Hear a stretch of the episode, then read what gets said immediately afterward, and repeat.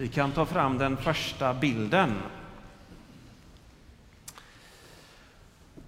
Unga över hela världen oroar sig för klimatförändringarna och för framtiden enligt en ny eh, enligt en stor attitydundersökning i den vetenskapliga tidskriften The Plancet Planetary Health. Mer än hälften av ungdomarna i studien känner sig svikna av politikerna. Så skriver Eh, tidningen Extract.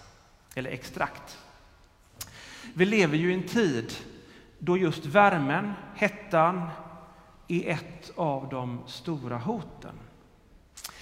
Det är inte längre från predikstolen varningarna om jordens undergång basuneras ut, utan från vår tids auktoriteter, det vill säga forskare av olika slag. Nu är det snarare så att det ses som en moralisk belastning om man tonar ner allvaret i det läge som råder. Då kan man vara en klimatförnekare. Alla förväntas att dra, dra sitt strå till stacken. Vi försöker genomföra en omställning från ett fossilsamhälle till ett samhälle med förnybar el. Vi försöker omvända oss så gott det går. Allt medan dagens profeter säger att historiens dom kommer att bli hård om inte politikerna tar den sista chansen vid klimatkonferensen i Glasgow. Frågan var om de gjorde det. Nu har vi ju den bakom oss. Som familj så besöker vi då och då Tivedens nationalpark. Och den har en fantastisk orörd natur som inte består av odlad skog utan den får växa fritt och, död, och eh, träden får växa och dö där de står och falla till marken. Men det finns en sak som inte är som förr. Skogen brinner inte med jämna mellanrum därför att brandsläckningen har blivit bättre. Vilket innebär för att den ska bevaras så behöver man anlägga kontrollerade bränder. Eld är något som både förstör, bränner men också möjliggör nytt liv.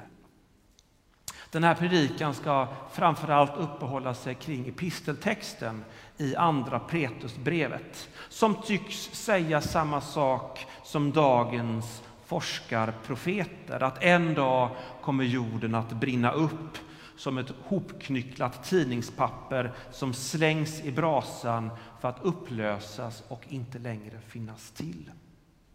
Men eldens funktion i Andra Petrusbrevet är för jorden som elden för Tivedens nationalpark. I stycket innan, ni kan kolla upp det när ni kommer hem, så står det faktiskt att jorden redan har gått under en gång. Det vill säga när den stora floden på Noas tid sköljde över jorden. Men innebar det att jorden slutade att existera? Nej, jorden renades från ondska och en ny värld uppstod ur floden. Men det står ju att jorden och allt som människor gjort där ska förgås. Vi kan plocka fram nästa bild. Eh,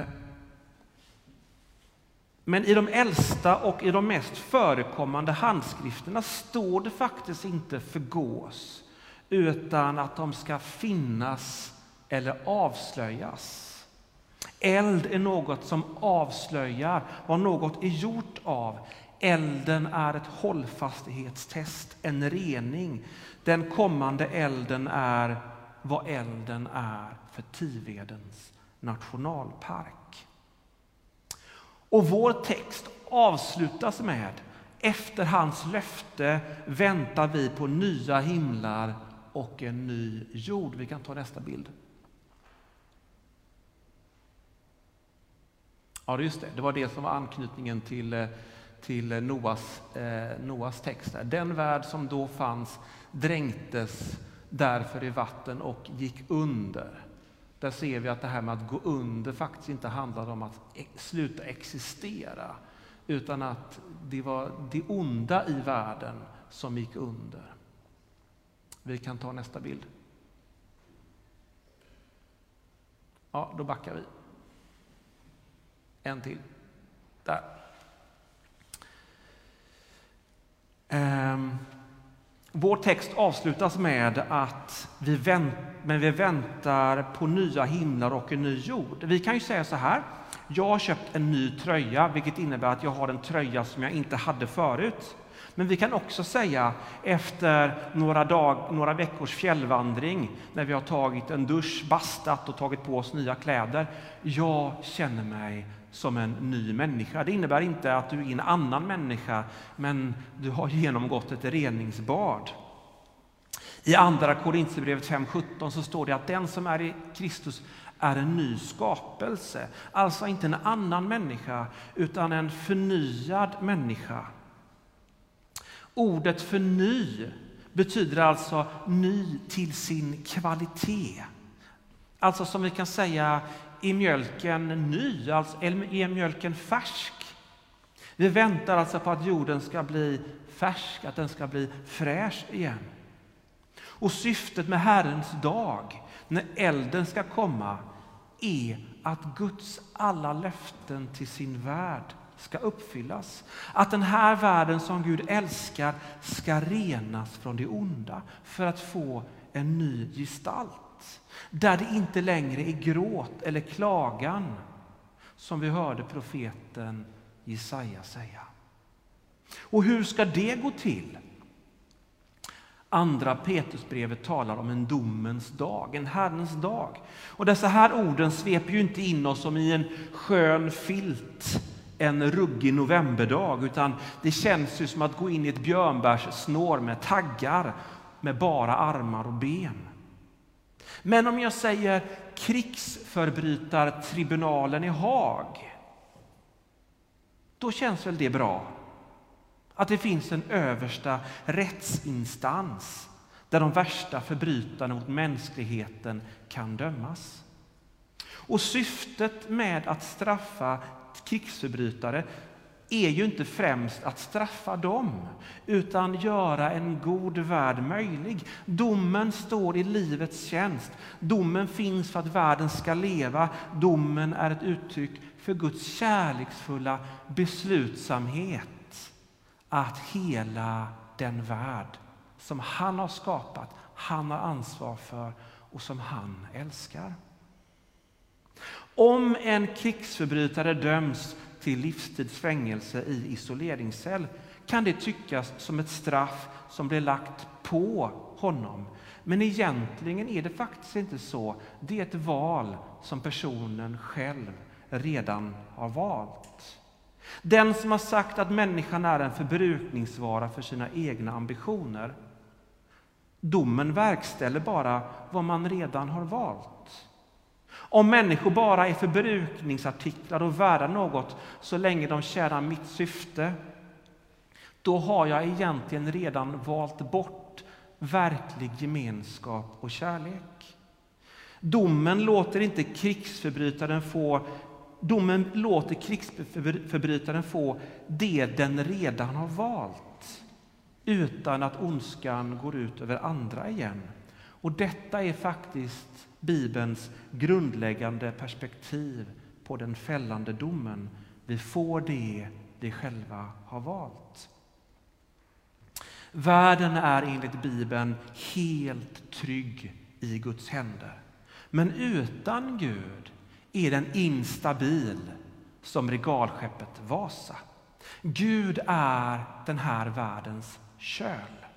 Och när människan väljer bort Gud utesluter honom ur sitt liv och ur världen drar sig Gud undan i respekt för människans suveränitet att välja själv och världen välter och drunknar i havet.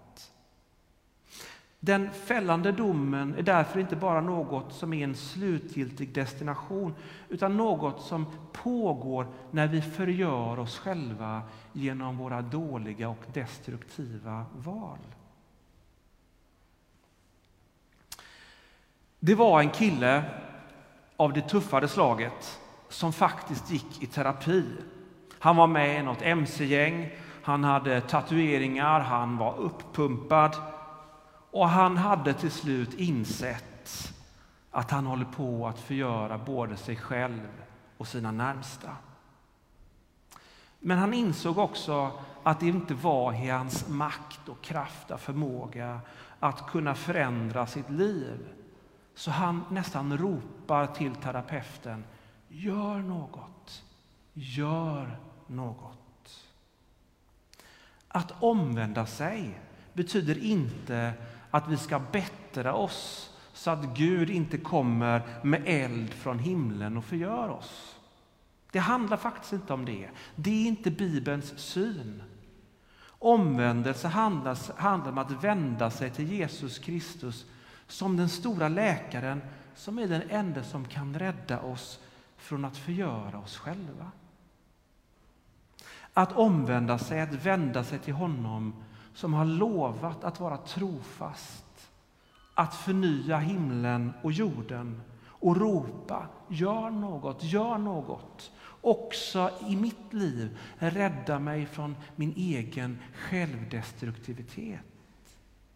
Att omvända sig är att förflytta tyngdpunkten för vårt hopp för en, om en förnyad, och förvandlad och upprättad värld. Från människan till Jesus och hans återkomst i härlighet.